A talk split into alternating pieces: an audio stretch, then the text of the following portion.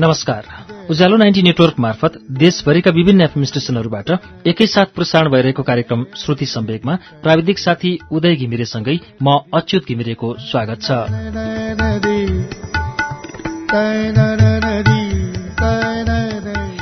श्रुति सम्वेकको आजको श्रृङ्खलामा पनि हामी सुबिन भट्टराईको उपन्यास समरलभको वाचन लिएर आएका छौं। शुक्रबारको श्रृङ्खलामा विगत सात श्रृङ्खलादेखि हामी सुबिन भट्टराईको उपन्यास समरलभको वाचन सुनिरहेका छौं। समरलभको वाचनमा सातौं श्रृङ्खलासम्म वाचन गर्दा गएको साता साया फेरि नर्वे फर्कने भएकी छिन्। साया र अतीतको बिहा भइसकेको छ। अब के हुन्छ अगाडि सुनौ। श्रृङ्खला आठ पृष्ठ एक सय सडसठीबाट।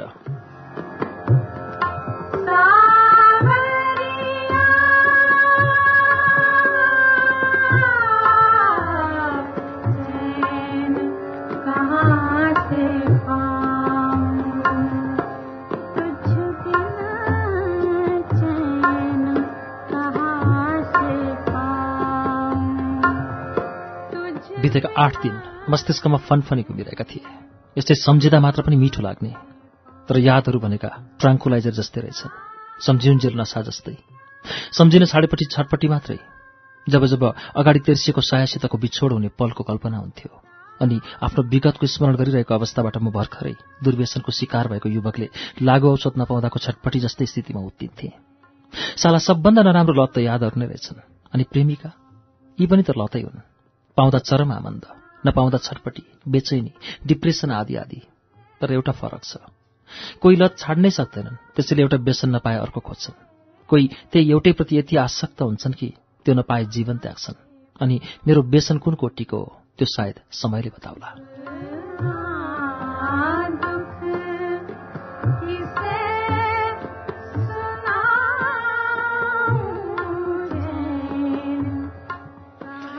दिल्ली एयरपोर्टमा उसित अन्तिम विदाई हुँदै थियो।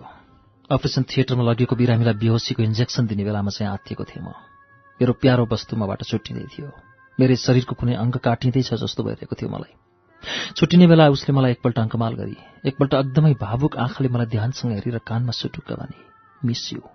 त्यसपछि निलो सुटकेस गुडाउँदै मबाट छुट्टिएर केही अघि बढी र आफ्नो दाहिने हात आँखाको भागतिर लगी उसको आँखामा सायद आँसु आएका थिए।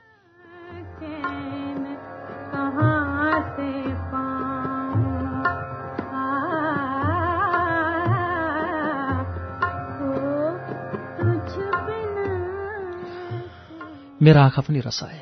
रोक्दा रोक्दै पनि बल गर्दा गर्दै पनि आँखाको ढोकाबाट सलल्ल निस्केर भाग्न सफल भई छाडे आँसुका डिक्काहरू ऊ ओस्लो पुगिसकेपछि हामी बीच झन् बाक्लो कन्ट्याक्ट भइरह्यो। धन्य फेसबुक र स्काइप। टाढा भए पनि नजिक हुनुको आवाज दिलाइरहन्थे। ऊ बेला बेला मेरो फेसबुकको इनबक्समा मेसेज छाडिराख्थे। मेरो अनलाइन आउने समयबारे सोध्दै। समय अलिक राम्ररी नमिल्ने। अफिस छुटेर म कोठा आइपुग्दा उसको क्लास चलिरहेको हुन्थ्यो। म सुत्ने बेला या सुतिसकेपछि मात्र उसलाई अलिक फुर्सद मिल्ने। तर जे जति सम्भव थियो त्यसै अनुसार हामी अनलाइन भेटिरहन्थ्यौँ। कहिलेकाहीँ ऊ फोनै पनि गर्थे भन्थे आज तिम्रो आवाज सुन्न मन लाग्यो।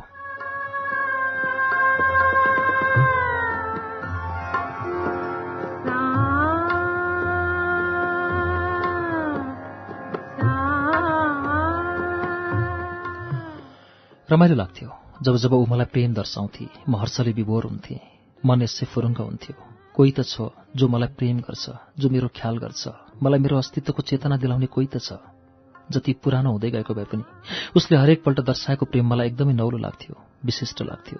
मेरो लागि ऊ कहिल्यै पुरानी भइन अढाई तीन वर्षको सङ्गतमा ऊ मेरो आँखामा उस्तै नौली लाग्थे कहिल्यै थोत्रिन नौली जस्तो लाग्थ्यो। रक्सी जति पुरानो भयो त्यति धेरै राम्रो रे। सायद धेरै लाग्छ भनेर होला।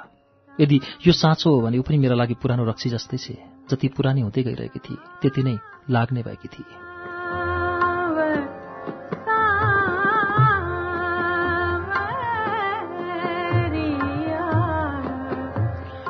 लाग्ने नसा नबनाऊ माया लाग्ने। ऊ बेला बेला मेरा अफिसका सम्पूर्ण स्टाफका हालचाल सोध्थे। सबैसित परिचित जो भइसकेकी थिए। एक दिन त उसले मसित सुस्मिताको मात्र हालचाल सोधे। उसको मात्र हालचाल किन नि? मैले सोधेको थिएँ। राम्री छे नि त। तिम्रो अगाडि सबै फिक्का साया। भो नफुर्क्याऊ। सत्य।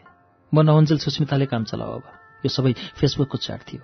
यो टाइप गरिसकेपछि तुरुन्तै पाँच सेकेन्डभित्रैमा उसले हि हि हि भनेर टाइप गरेर पठाइसकेकी थिए।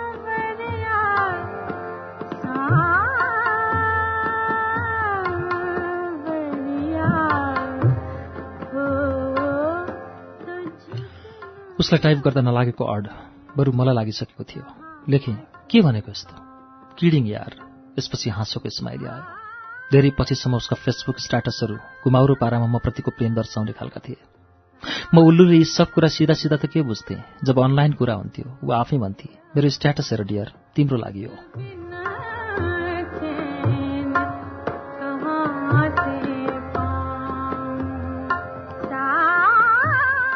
म उसको स्ट्याटस हेरेर मात्र बुझ्थेँ। लाइक कमेन्ट आदि हान्थेँ अर्थात् धेरै के हुन्थ्यो भने नबुझेकै अवस्थामा पहिले लाइक हानिसकेको हुन्थेँ। उसले थप बुझाइसकेपछि कमेन्ट हान्नु पनि कर्तव्य हुन जान्थ्यो। कमेन्ट पनि सिधा सिधा हान्न नमिल्ने। उसको स्ट्याटस जस्तै कमेन्ट पनि मैले घुमाउरो हान्नुपर्ने। उसैको उर्दी। प्रेम सम्बन्धी उसका घुमाउरा स्ट्याटसमा मैले मस्किँदै ल बधाई छ। वा को होला त्यो भाग्यमानी? आदि पाराको कमेन्ट हान्नुपर्ने। कुनै दिन के के नै बिते चाहिँ स्काइपमा आउन भन्थे। के पर्यो त्यस्तो? स्काइप खोल्न साथ म सोध्थेँ। तिमीलाई हेर्न मात्र मन लागेको हो कि? मेरो आवाज सुन्न मन लाग्दा ऊ फोन गर्थे। कुरा गर्न मन लाग्दा फेसबुक थियो हेर्न मन लागे स्काइप थियो तर साला छुन पनि नपाइने केही भए पनि हुने। एक दिन एउटा सिरियस कुरा भयो। हाई हेलो पश्चात कुनै भूमिका नबादी भनी। मैले बाबासँग तिम्रो कुरा गरेँ। के कुरा? लोसे पाराले च्याट गरिरहेको म। एकाएक पम्प हालिएको ट्युब झैँ टाइट हुन पुगेँ।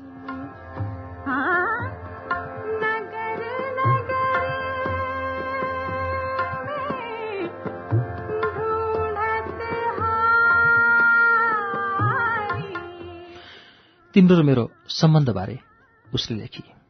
बिहाको कुरा मेरो टाइटनेस कायम नै थियो। होइन त्यो त उसले भने त्यो त कहाँ भन्नु नि अहिले? बाबा कन्भिन्स हुनुभयो भने फेरि धुमधामसित बिहा गर्छौँ हामी। उसको यो कुराले म पुरै निराश भएँ। मेरो टाइटनेसमा हेभी पङ्चर भएको थियो। विशेष उसको बुबा कन्भिन्स हुनुभयो भन्ने। अलिक अनिश्चितताको कुहिरोभित्र हुल्ने खालको थियो। अर्थात् यदि कन्भिन्स नभए के त? पुरानै बिहाले काम चलाउँदा भन्ने खालको अभिव्यक्ति चाहन्थे उसबाट तर त्यो आएन। मैले सोद्धा पनि आएन। बाबा कन्भिन्स हुनु भएन भने के त साया? सोधेँ। पहिला बाबालाई भेट न। बिदा हुने बेलामा मलाई उसको बाको मोबाइल नम्बर दिलाई। मैले त्यो सेभ गरेँ। दयामान साकीको नाउँमा। फेरि अर्को बिदा लिनुपर्ने छाँटकाँड देखियो। कुन मुख लिएर मधुसूदनका अगाडि परौँ फेरि के भनेर कुन शीर्षकमा बिदा माग्ने?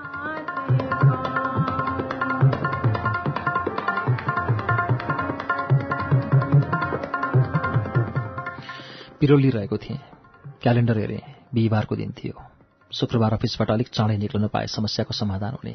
शनिबार पुगेर त्यसै नाइटमा फर्केदेखि आइतबारलाई अफिस भइन्थ्यो धन्य बारले साथ दिएको थियो। साथ नदिएकै भए पनि सायाका बा छुट्टी लिएर भए पनि जानु पर्थ्यो आफ्नै लागि त हो।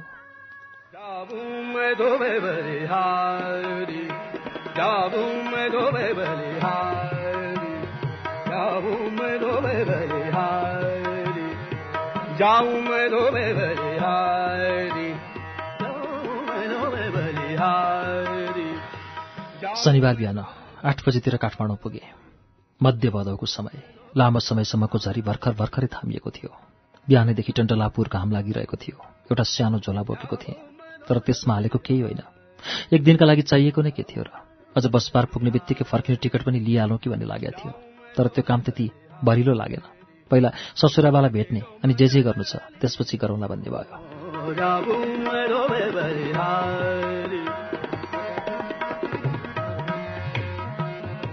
गरीब की इच्छा पूरा कर दो।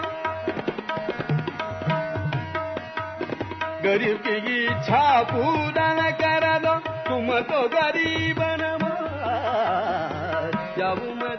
धेरै समयपछि नयाँ बानेश्वरको दर्शन भएको थियो। केही फरक थिएन बानेश्वर। सिधै सायाको घरतर्फ लाग्दै थिएँ। बिहान ब्रस पनि गर्न पाइया होइन। ब्रस बोकेर हिँडेको पनि थिइनँ। एक दिनलाई के भन्ने भन् लागेर। ठ्याक्कै उति बेला साया र म भेटिने छुटिने ठाउँमा पुगेपछि यो कुराको होस आयो। पहिलोपल्ट सायाको बासित औपचारिक भेट हुँदै थियो। औपचारिक अझ त्यहाँमाथि उनकै छोरी माग्ने न्युमा जाँदै थिए। यस्तो मौकामा जान लायकको हुलिया मेरो थियो जस्तो लागेन।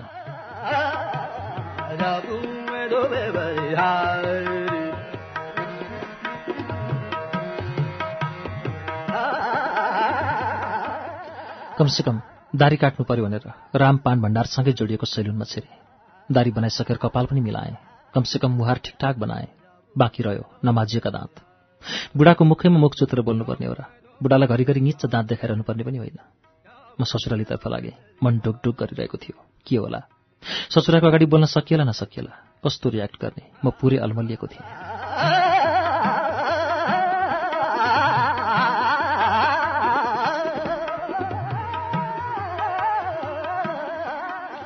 सायाको घर छिरे। एकदमै डर लागिरहेको थियो। त्यतिको डर जीवनको कुनै परीक्षा कुनै रिजल्टमा पनि लागेको थिएन। प्रेम कति भयानक कुरा रहेछ। जति मजा दिन्छ त्योभन्दा कम डर पनि दिँदैन जुन तहको सन्तुष्टि दिन्छ अलिकति बिग्रियो भने त्यो सन्तुष्टिको ब्याजसहित असुल गर्छ। घन्टी बजाएँ। काटीकुटी सायाको अनुहार भएकी एउटी अद्वैंसी महिलाले ढोका खोलिन्। सायाकी आमा। मैले आफ्नो परिचय दिएँ। उनले घरभित्र निम्त्याइन्।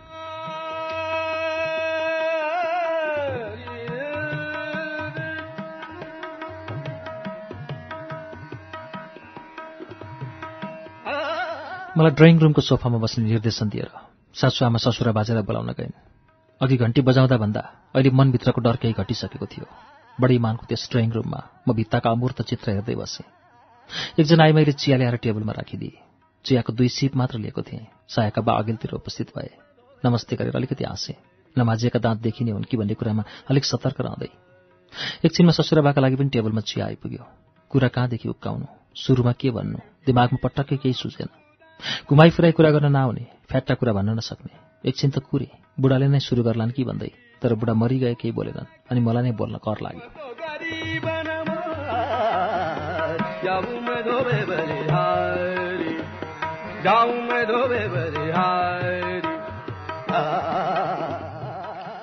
चियाको अन्तिम सिप लिइसकेर कप टेबलमा राखेँ अनि भने हजुर सायाले सायद मेरो बारे केही भनेकी थिए होली अन्यत्री ध्यान दिइरहेका ससुराबाले मतिर हेर्ने कष्ट उठाए। भनेकी थिए। उनले भने घर कहाँ रे तपाईँको? मैले बताएँ। उनले मेरो बुबा आमा घर परिवार पारिवारिक इतिहास पृष्ठभूमि अनि मेरो जागिर आदिका विषयमा सोधे। बुढाले आफूलाई महत्त्व दिउन् भन्ने हेतुले म आफू धनगढीदेखि केवल उनलाई भेट्न आएको कुरा पनि बताइरहेको थिएँ। तर किन हो? बुढा मेरो यो कुरालाई व्यवस्था गरिरहेका थिए।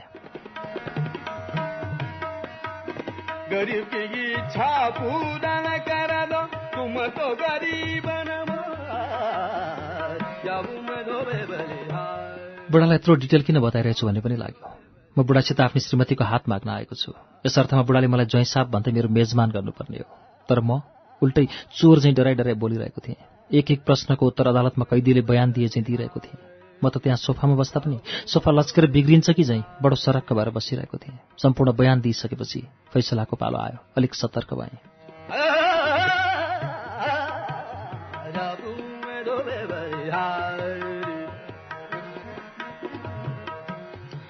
बुढाले आठ दस सेकेन्डको गम्भीर पज लिए अनि मतिर एकदमै ध्यान दिएर हेर्दै भने सायाले केही कुरा त पहिले यहीँ हुँदा पनि नगरेकी होइन तर हाम्रोमा त्यस्तो चल्दैन अन्तै प्रयास गर्नु।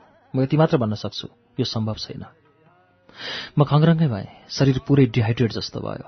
धनगढीदेखि यति लामो यात्रा बुढाको यस्तै कुरा सुन्न आएको रहेछु। फेरि बुढाको भनाइअनुसार हाम्रोमा त्यस्तो चल्दैन अरे कस्तो के चल्दैन? मलाई बुढालाई सोध्न मन थियो तर सकिनँ। एक किसिमले यसो भन्दा पनि हुन्छ मैले बुढाको आशय बुझिसकेको थिएँ।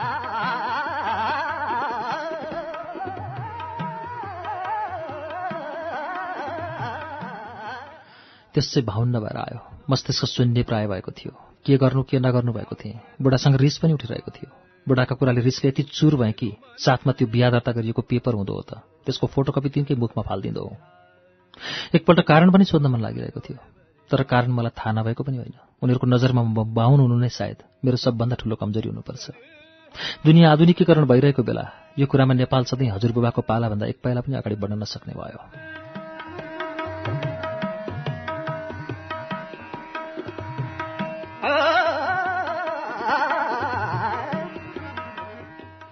बुढा र मेरा अन्तिम सम्वाद सुन्ने बेला सायाकी आमा र काम गर्ने महिला पनि ड्रइङ रुमको एउटा कुनामा थिए। एकपल्ट सायाकी आमासँग पनि केही भन्न मन लागेको थियो। वास्तवमा उसकी आमामा म त्यति बेला अलिकति छोरीको अंश पनि देखिरहेको थिएँ। मेरी सायाकी आमा उस्तै अनुहार। सायद मन पनि उसकै जस्तो थियो कि भन्ने एउटा झिनो आसमनभित्र कता कता विद्यमान रहेछ। तर सङ्कोचले मैले त्यसो गर्न सकिनँ। त्यति बेला केही रिस सायाप्रति पनि उठेको थियो। मलाई यत्रो लामो यात्रा गर्न लगाएर उसले आफ्नो पिताको यस्तो निराशाजनक व्यवहार देखाउन पठाए म बाटोमा मान्छेहरूको भिडले हेर्ने रमिते चाहिँ भएको महसुस गर्न थालेँ।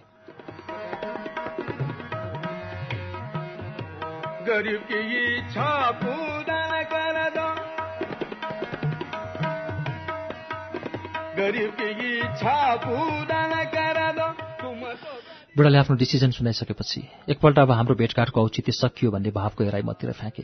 मैले बुझिहालेँ त्यहाँबाट उठेर जानुबाहेक मसँग विकल्प थिएन। त्यत्रो टाढाबाट आएको मान्छेलाई। उनीहरूले खानाको अफर गर्नसम्म जरुरी ठानेन उता कुनामा उभिएकी सायाकी आमा र काम गर्ने आइमे भने केही सहानुभूतिको हेराले हेरिरहेका थिए मलाई। सायद सायाले मसितको सम्बन्धबारे उनीहरूसित पनि केही सेयर गरेकी हुँदियो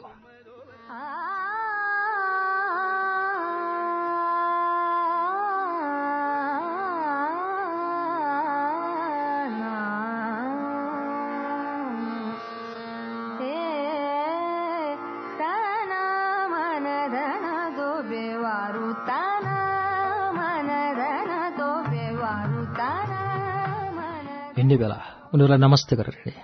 बिहानको एघार बजिसकेको थियो। बेलुकी गाडी रोक्दा चाउचाउ मात्र खाएको थिएँ। केही अगाडि बातको तिर्सना लागेको थियो तर बुढा कुखुराले केही खान मन नलाग्ने भइसकेको थियो। कतै कसैको घरमा पस्न मन लागेन। नयाँ बानेश्वर आफ्नो पुरानो ठाउँ। कोही परिचित भेटिएला कि भनेर त्रस्त भएँ। छिटो छिटो भागे चाहिँ गरी बस पार्कतर्फ गएँ। एक बजेको टिकट काटेर पुनः फर्किएँ धनगढी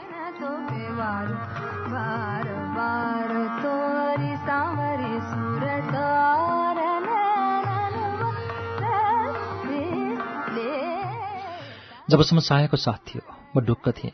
दयामान साक्यले पो आफ्नी छोरी दिने दया गर्न सकेनन् त। तर उसकी छोरी त सम्पूर्ण रूपमा मेरी भइसकेकी थिए तन र मन दुवैले हामी भौगोलिक दूरीबाट आक्रान्त थियौँ तर हाम्रो आत्मा आपसमा खप्किएको थियो। त्यो अवस्थाको हाम्रो अलग्याई प्रेमको एउटा अति साधारण परीक्षा मात्र थियो। तर हामी जति टाढा भएका थियौँ मलाई लाग्छ त्यति नै आत्मीय भएका थियौँ त्यति नै प्रेम गर्ने भएका थियौँ। समग्रमा त्यो भौगोलिक दूरीले हाम्रो आत्मिक दूरी स्वात्तै घटाइदिएको थियो। एउटाको ज्वरो नउखेली अर्कोको ओखती लाग्दैन रे। हामी आपसमा छुन पाउँदैनौँ भोग्न पाउँदैनौँ तर हामी भित्रको प्रेम त्यो कति धेरै महसुस गर्न पाइरहेका छौँ त्यसको मजा नै बेग्लै छोयो भोग्यो अनि सकियो। यसरी निमेषभर झिलिक्क बलेर निभि जाने प्रकाश जस्तो प्रेमको के अर्थ? तर हामी हाम्रो आत्मिक समागम पछिको देदीप्यमान आभामा तारापुञ्ज चाहिँ उद्भासित भएका थियौँ न कि तिहारमा एक्कासी बलेर निभिजाने झिरझिरे चाहिँ।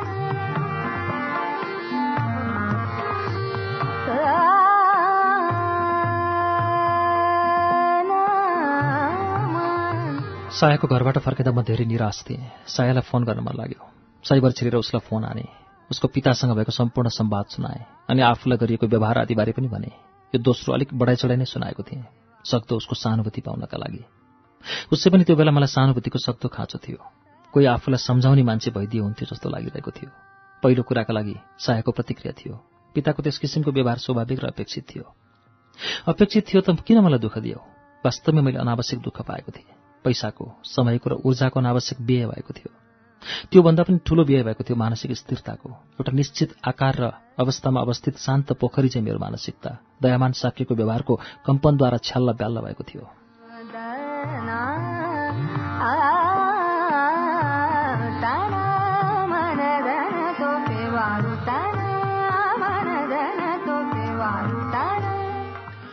मेरो चित्त दुखाइको प्रतिक्रियामा साया बोली। यो आग्रह बुबाको थियो। धनगढीको मान्छेलाई काठमाडौँ झिकाएर अपमान गर्ने बुढाको उद्देश्य मलाई झोक चलिरहेको थियो। कति घटिया सोच तिम्रो बाको। बाउको रिस छोरीमाथि पोखिरहेको थिएँ म। ऊ पनि आफ्नो पिताको रिस पोखेकोमा उत्तेजित हुन लागि। तिम्रो बाउले मलाई त्यस्तो व्यवहार गर्न हुने। मैले भने मैले केही भन्नै नहुने। बाउलाई नै पोख्नु नि रिस। उसले भने मलाई पोखेर के फाइदा? म चुप लागेँ। यहाँ आएर उसित थप सन्किने ठाउँ भेटिनँ। उसका बाउसँग नै रिस पोख्न सके भए उसलाई किन यी सब भनिरहन्थेन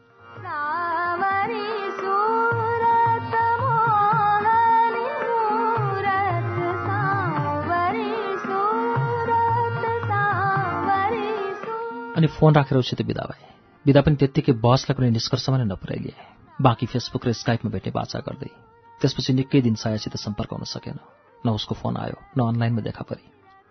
एक दिन आफैले फोन गर्ने प्रयास गरेँ तर फोन लागेन। फेसबुकमा मेसेज पठाएँ। निकै दिन रेस्पोन्स आएन। चिन्ता लागिरह्यो। वास्ता नगरुन्जेल केही थिएन। तर वास्ता गर्न थालेपछि झन् वास्ता भयो। एकछिनमा फोनमा कुरा गरेँ। फेसबुकमा रिप्लाई नआए पनि मेसेज भने पठाइरहेँ। तर उताबाट टसको मस भएन।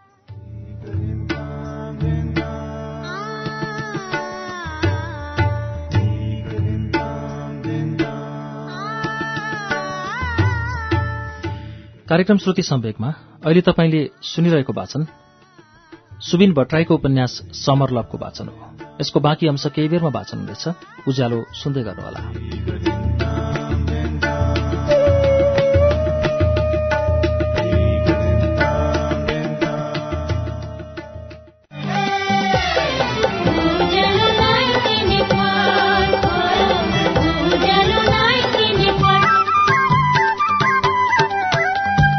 सीधा कुरा प्रश्न विचार उज्यालो 90 नेटवर्क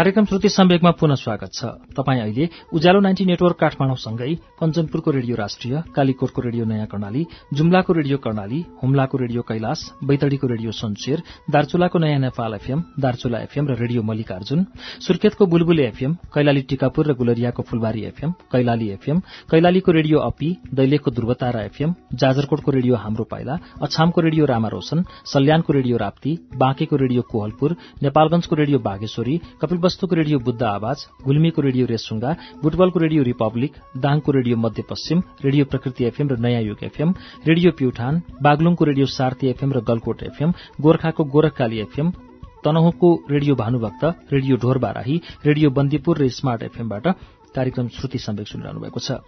पोखराको रेडियो तरंग पाल्पाको पश्चिमाञ्चल एफएम र रेडियो रामपुर रुकुमको रेडियो सिस्ने फलेवासको रेडियो पर्वत चितवनको रेडियो अर्पण रेडियो त्रिवेणी र रेडियो चितवनबाट पनि श्रुति सम्वेक सुनिरहनु भएको छ। त्यसै गरी मकवानपुरको हेरौँडा एफएम काभ्रेको रेडियो सेफर्ड नुवाकोटको रेडियो त्रिशुली र रेडियो जाल्पा दोलखा जिरीको रेडियो हिमाली रामेछापको रेडियो तीनलाल रौतहटको नुनथर एफएम सर्लाहीको रेडियो एकता मुक्तेश्वर एफएम र ढुकढुकी एफएम खोटाङको Halesi FM सिन्धुलीको radio Sahara radio Bardibas Janakpur FM भोजपुरको radio चमलुङमा एफएम रेडियो तेह्रथुम उदयपुरको रेडियो त्रियुगा सोलुखुम्बुको शिखर एफएम धरानको विजयपुर एफएम मोरङको रेडियो सुनाखरी विराटनगरको रेडियो पूर्वेली आवाज झापाको एफएम मेची ट्युन्स र बिर्ता एफएम रेडियो ताप्लेजुङ र इलाम एफएमबाट पनि एकैसाथ श्रुति सम्वेक प्रसारण भइरहेको छ।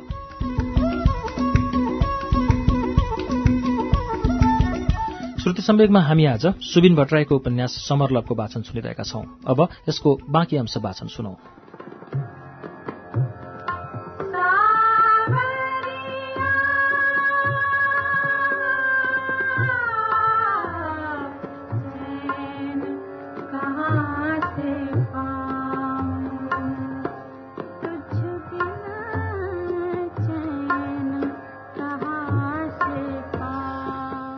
भित्रको छटपटी झन्झन बढ्न थाल्यो।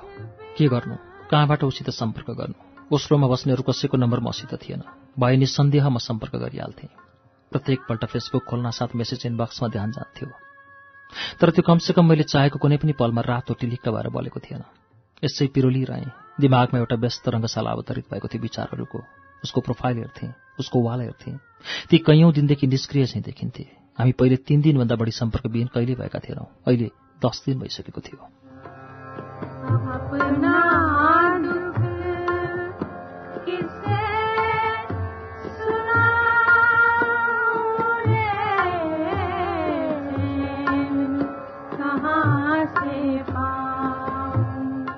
गई साया। के भयो उसलाई? राति पनि निद्रामा तर्सिन लागे म। सपनाको कुरामा विश्वास गर्ने कोटीको मान्छे म भइदिएको भए मेरो चिन्ता अझ कैयौँ गुना हुन सक्थ्यो। अफिसमा काम गर्ने जाँगर चल्न छोडेको थियो। खाली मोबाइल हातमा लिएर बसिरहेको हुन्थेँ। उसलाई फोन गर्थेँ। उसको फोन आउने आश गर्थेँ। कस्तो छटपटी। प्रत्येकचोटि मोबाइलमा फोन बज्दा उसको आश रहन्थ्यो। केही नलागेर साइबरतिर गएर पनि फोन आने तर उसको कुनै पत्तो लागेन। एकपल्ट उसको घरमा पनि फोन गर्न मन लाग्यो तर डराएँ।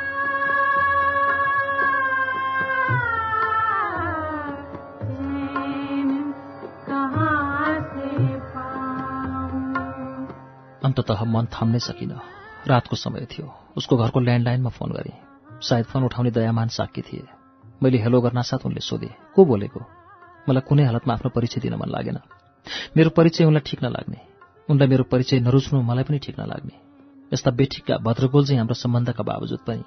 मैले उनलाई फोन गर्ने दुस्साहस गरेको थिएँ। यही त हो प्रेम। के के गराउँछ के के? र मैले फ्याक्ट फोन काटेँ। सायद मेरो इगो हावी भएको हुँदो तर अरू पनि अप्सन हुन सक्थे। म सोच्न लागेँ।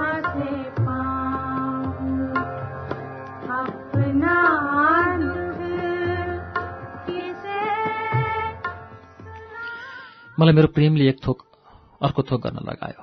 त्यो उसितको सम्पर्क हुन नसकेको बाह्रौँ दिन थियो। अफिसमा थिएँ म। केही दिनदेखि यसै कमजोर फिल गरिरहेको थिएँ। तीन वर्षको प्रेम यात्रामा नआएको विचलन यसपालि आएको थियो। यसैले मभित्र ऊर्जा क्रमशः क्षय हुँदै गइरहेको थियो। आफ्नो क्याबिनमा बसिरहँदा मैले झ्यालबाट कराएर एकपल्ट सुस्मितालाई बोलाएँ। ऊ मसित लजाउन छाडिसकेकी थिए। त्यसैले उसितको सम्बन्ध अलिक सहज भइसकेको थियो। अफिसबाट घर फर्किँदा कहिलेकाहीँ सँगसँगै पनि हुन्थ्यौँ हामी। कहिलेकाहीँ ऊ आफ्नो घरमा लुगा सुकाउन आउँदा म उसलाई आफू बसेको घरको टेरेसबाट देखिरहेको हुन्थेँ। एकपल्ट हाँस्थी अनि हालचाल सोध्थी। यत्तिकै सम्बन्धका आधारमा मैले उसको सहयोग लिन आँटेको थिएँ।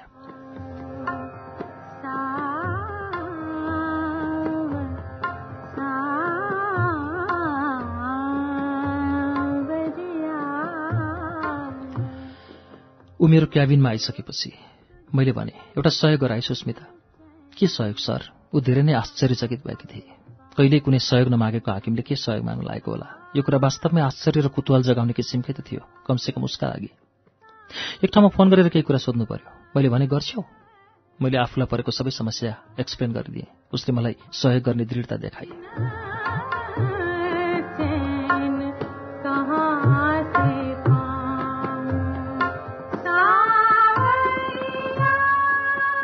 मैले उसलाई दिव्याको नाउँबाट सायाको घरमा फोन हान्न लगाएँ। र सायाको हालखबरबारे सोध्न लगाएँ। कुरो पत्ता लाग्यो। साया लन्डन गएकी रहेछ। लन्डनमा उसकी दिदी बस्थिन् काकाकी छोरी। यो दिदीवाला जानकारी मलाई पहिल्यैदेखि थियो उसैले भनेकी थिए। तर त्यो थाहा पाएर पनि मेरो मनको चिन्ता अझै घटेन। मलाई भनेर किन गएन ऊ? हरेक सानाभन्दा साना कुरा भनेर वा सोधेर मात्र गर्ने बानी भएकी उसले। मलाई यत्रो ठुलो कुरा किन सुनाइन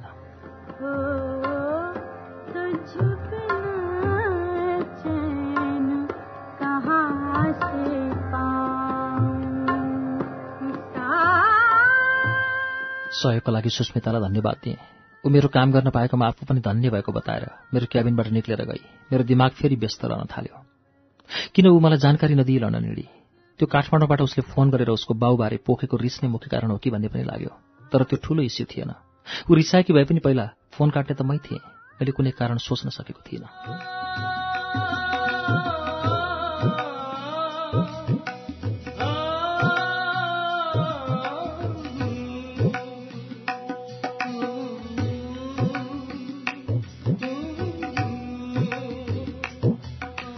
हरेक दिन उसलाई फेसबुकमा खोज्ने काम निरन्तर भइरह्यो तर ऊ भेटिएन।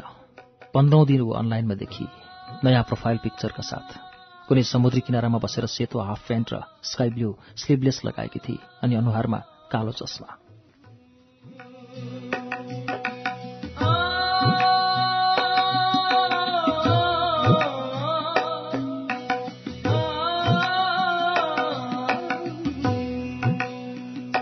मैले भने हाई।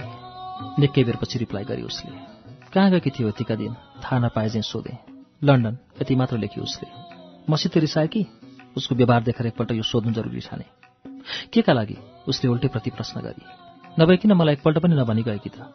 यो वार्तालापमा उसले प्रयोग गरेका शब्दका गुण र परिमाणका आधारमा मैले यो सोध्नु वाञ्छनीय थियो। समग्रमा भनौँ न उसले प्रयोग गरेका प्रत्येक शब्दबाट नमिठो गन्ध आइरहेको थियो।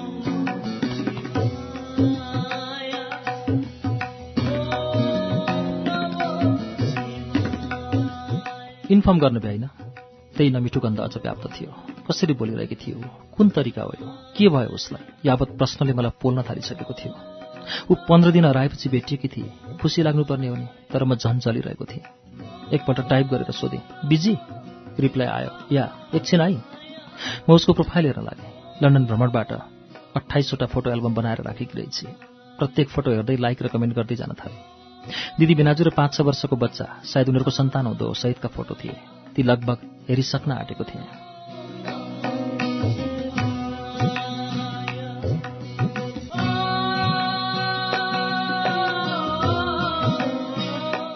सायाको मेसेज आयो। ल भन। के भनौँ? लेखेँ तिमी change भइछौ Saya. The world is dynamic सब कुरा चेन्ज हुन्छन्। यस्तो रिप्लाई आयो। कुन अर्थमा लिएर आयो म जान्दिनँ। अनि केही फर्मल कुरा गरेँ जस्तो यात्रा कस्तो रह्यो? एक्जाम कहिले छ? मलाई मिस गरिनौ? अरू त ठिकठाक उत्तर दिए तर मेरो अन्तिम प्रश्नको अलिक टेढो उत्तर दिए। त्यो उसको प्रति प्रश्न थियो। उसले लेखेकी थिए तिमीलाई के लाग्छ? उसको मनभित्रको कुरा म कसरी गेस गरौँ? त्यसैले सिधै लेखिदिएँ। मलाई लाग्दैन कि तिमीले मलाई मिस गर्यौ।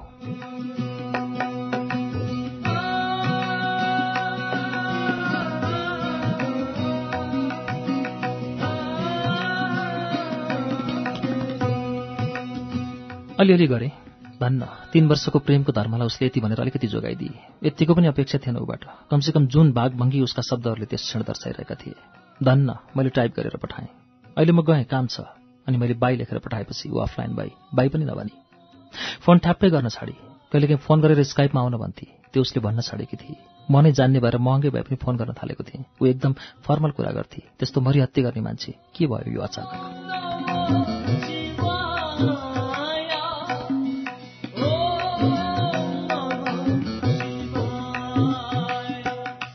सोधेको पनि भयो। के भयो साया तिमीलाई? मैले केही गल्ती गरेँ? त्यस्तो केही होइन। एकदम कम शब्दमा मेरो प्रश्नहरूको उत्तर दिएर पठाउँथे। अब्जेक्टिभ क्वेसनको उत्तर दिए जस्तो। एक दिन सिधै भनिदिए आजकल तिमीले मलाई प्रेम गर्न छाड्यौ साया। त्यस्तो केही होइन। उसले जाने यही रहेछ तिमी कोसँग कुरा गरिरहेछौ साया? थाहा छ। मलाई झनक्करी छुटिसकेको थियो। के भनेको? उसले सोधी म तिम्रो श्रीमान हो साया। कि बिर्सियौ यो अपरिचितलाई त्यस्तो व्यवहार किन गर्यो तिमीले? ऊ केही बोलिन।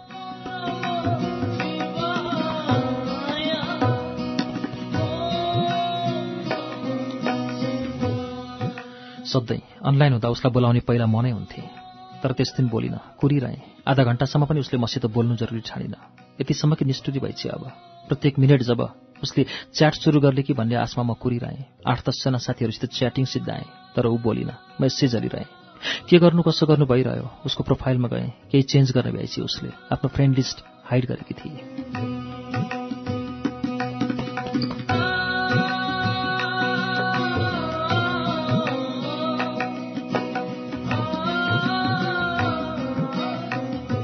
आधा घन्टासम्म पनि उसले बोल्ने सुरचार नगरेको चाल पाएर।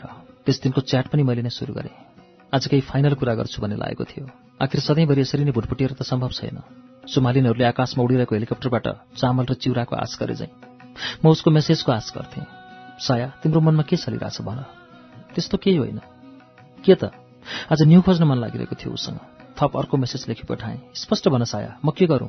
त्यसपछि ऊ अफलाइन भए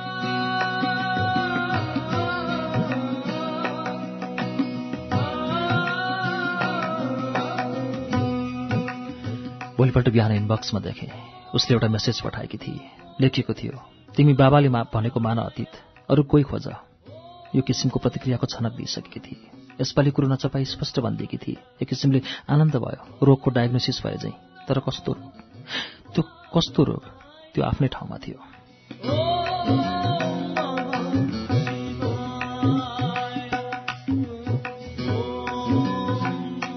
लेखेँ एउटा अन्तिम गुण लगाऊ साया। कारण बताऊ। यसको रिप्लाई दिउँसोतिर आयो। कारण म केही पनि दिन सक्दिनँ। बेलुकी ऊ अनलाइन भेटी। कतिखेर सोध्नु जस्तो भइरहेको थियो। सोधेँ कि तीन वर्षदेखिको हाम्रो प्रेम र बिहा कुनै कारण बिनाको प्रसङ्गका लागि म बिर्सिदिउँ? कारण भनेर पनि के गर्छौ? तिमी थप बहस गर्न खोज्लाऊ मलाई कन्भिन्स गर्न खोज्लाऊ सम्भव छैन त्यो। सक्दिनँ होला साया। तिमीलाई बिर्सेन म सक्दिनँ। यो टाइप गर्दा मेरो आँखाबाट तरक्क आँसु झरे। झलझली सम्झिन लागे पुराना दिनहरू। उसित भेट भएको पहिलो दिनदेखि बिहा गरेर उसलाई दिल्ली छोड्न जाँदासम्मका घटना दोहोरिरह्यो दिमागमा। यसका दिनहरू एक एक गर्दै मस्तिष्कमा ओर्लन थालेका थिए। बानेश्वरमा भेटेका दिनहरू एक्जाममा गरेको कम्बाइन स्टडी उसको घरको पार्टी कहाँ कहाँ सँगसँगै भएनौँ हामी। काठमाडौँ बसुन्जेल ऊ जाब एउटा रुमाल पनि एक्लै गएर किन्दिनथे। जता गए पनि उसलाई मेरो साथ चाहिन्थ्यो। म पनि त्यस्तै आसक्त भइसकेको थिएँ ऊप्रति तर अलिकति दूरी हुँदैमा यो के? भनी प्रयास गर एक दुई दिन हो बानी पार्छौ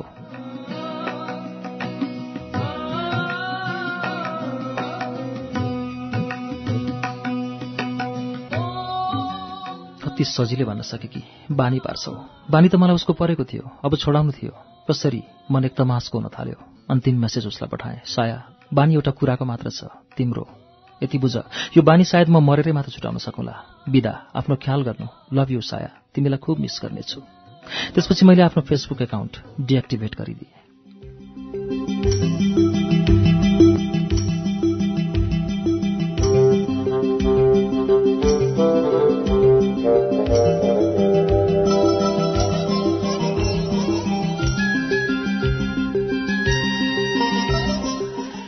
तिमीलाई नसम्झेको कुनै छिन छैन। तिमीलाई नसम्झेको कुनै छिन छैन। खसालेर आँसु नरहेको दिन छैन। मेरी साया तिमीलाई थाहा छैन। आजकल मेरो रुनुको कुनै सिमाना नै छैन। यति धेरै किन रोइरहेछु? किन लोग्ने मान्छे हुनुको धर्म छाड्दैछु म? थाहा छ रोएर पाउनु केही छैन। रोएर चाहेको कुरा पाइने भए संसार आँसुमा उरी डुबिसक्थ्यो। हो साया आजकल म धेरै रुन थालेको छु। कहिलेकाहीँ लाग्छ नवजात शिशु रूपमा पनि म जति रुँदैनन् होला। अनि उनीहरूको रुवाई र मेरो रुवाईमा के फरक छ र? उनीहरू चिच्चाएर रुन्छन् म चुपचाप रुन्छु।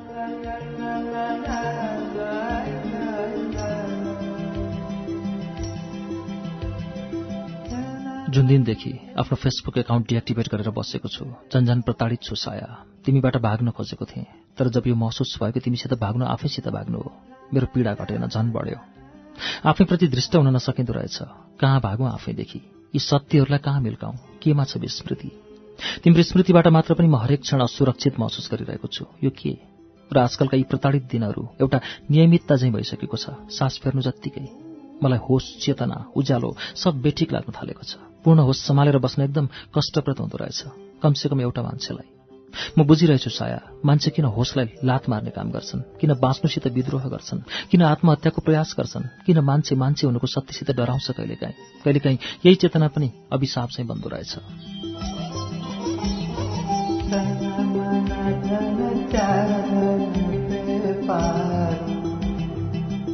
मेरी प्यारी मेरी प्रिया तिमीलाई कुन कुराले बुझाउँ के चाहिँदो हो तिमीलाई बुझाउनका लागि? के भने के गरे तिमी छर्लङ्ग हुँदियौ? केही सूत्र त हुँदो कमसेकम तिमीलाई बुझाउन। कसरी कुन तत्त्वले तिमीलाई पगाल्न सकिँदो? कहाँ कुन संसारमा विद्यमान छ त्यो तत्त्व? जसले तिम्रो हृदयको गहिराईमा स्पर्श गर्न सकियोस्। तिमी आफै भन्थ्यौ मेरी प्रिय। म जान्दिनँ बुझ्दिनँ। तिम्रो मनभित्रका तहमा कस्ता विचार छन्? म हर समय सोध्छु। म तिमीलाई नै सोध्न मन लागेको छ। कि प्रेम महत्त्वपूर्ण होइन? मैले देखेको मैले जानेको संसारमा प्रेम बाहेक सब गौण छन्। तिम्रो संसार तिम्रो विचार किन मसित बेमेल? सके आलोचना गरिदियौ मेरा यी पुग्न पुच्छरका विचारप्रति। यसमा म कति व्यावहारिक छु मलाई त्यसको किञ्चित प्रवाह छैन। हो म निष्पट्ट अन्धो हुन थालेको छु। मलाई देख्नु वा नदेख्नुसित कुनै सरोकार छैन। म निरपेक्ष छु अरूका कुरासित। मलाई सुन्नु या सुन्नुसित सरोकार छैन। म भित्र एउटा गहिरो भाव बसेको छ। बस मैले अनुभूत गर्ने त्यति हो।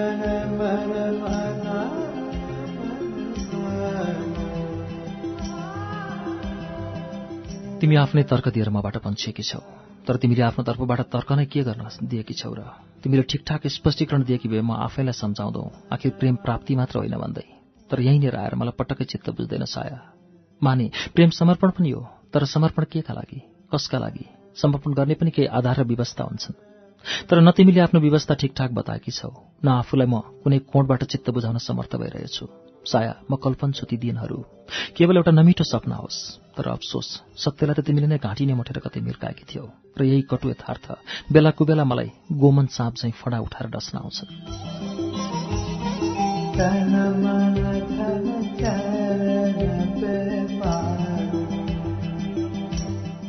र त्यो डसाई हाय म प्रत्येक पल रक्तामे भएर घिस्रिरहेको हुन्छु। एक एक पल मानौ दम भएको छ मलाई। मेरो फोक्सो सास तान्न नसकेर गाँठो परेर बसेको छ। यी दिनहरू कुनै पहाडबाट गुल्टे जस्तो र म प्रत्येक बल्ड्याङ खाएपछि शरीरमा एउटा एउटा असंख्य घाउ थप्दै लडिरहेको छु। मेरी साया मेरी प्रिय मेरा हरेक दिनहरू अझ भनौँ हरेक बिहानी सूर्यको आवासँगै एउटा पीडादायक क्षणले पोषित भएर आउँछ र म ती क्षणहरूसित विद्रोह पनि गर्न सक्दिनँ। मसित अब कुनै ऊर्जा नै बाँकी छैन। जबसम्म तिम्रो साथ थियो म हरेक कुरासित विद्रोह गर्न सक्छु चाहिँ लाग्थ्यो तर अब गलिसकेको छु कमजोर वृद्ध चाहिँ। हरेक क्षण किन ढिलो बितिरहेछन्? उकालोमा भारी बोकेर हिँडे जस्तो। अझ भन्छु कारावासमा बसे जस्तो भइरहेछ।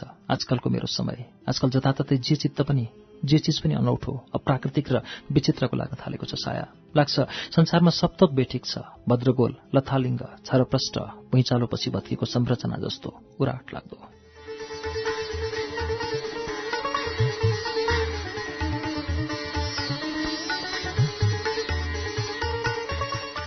श्रुति सम्वेकमा यतिन्जेल तपाईँ। सुबिन भट्टराईको उपन्यास समरलभको वाचन सुन्दै हुनुहुन्थ्यो। यो वाचनसँगै आजलाई श्रुति सम्वेकको समय सकिएको छ।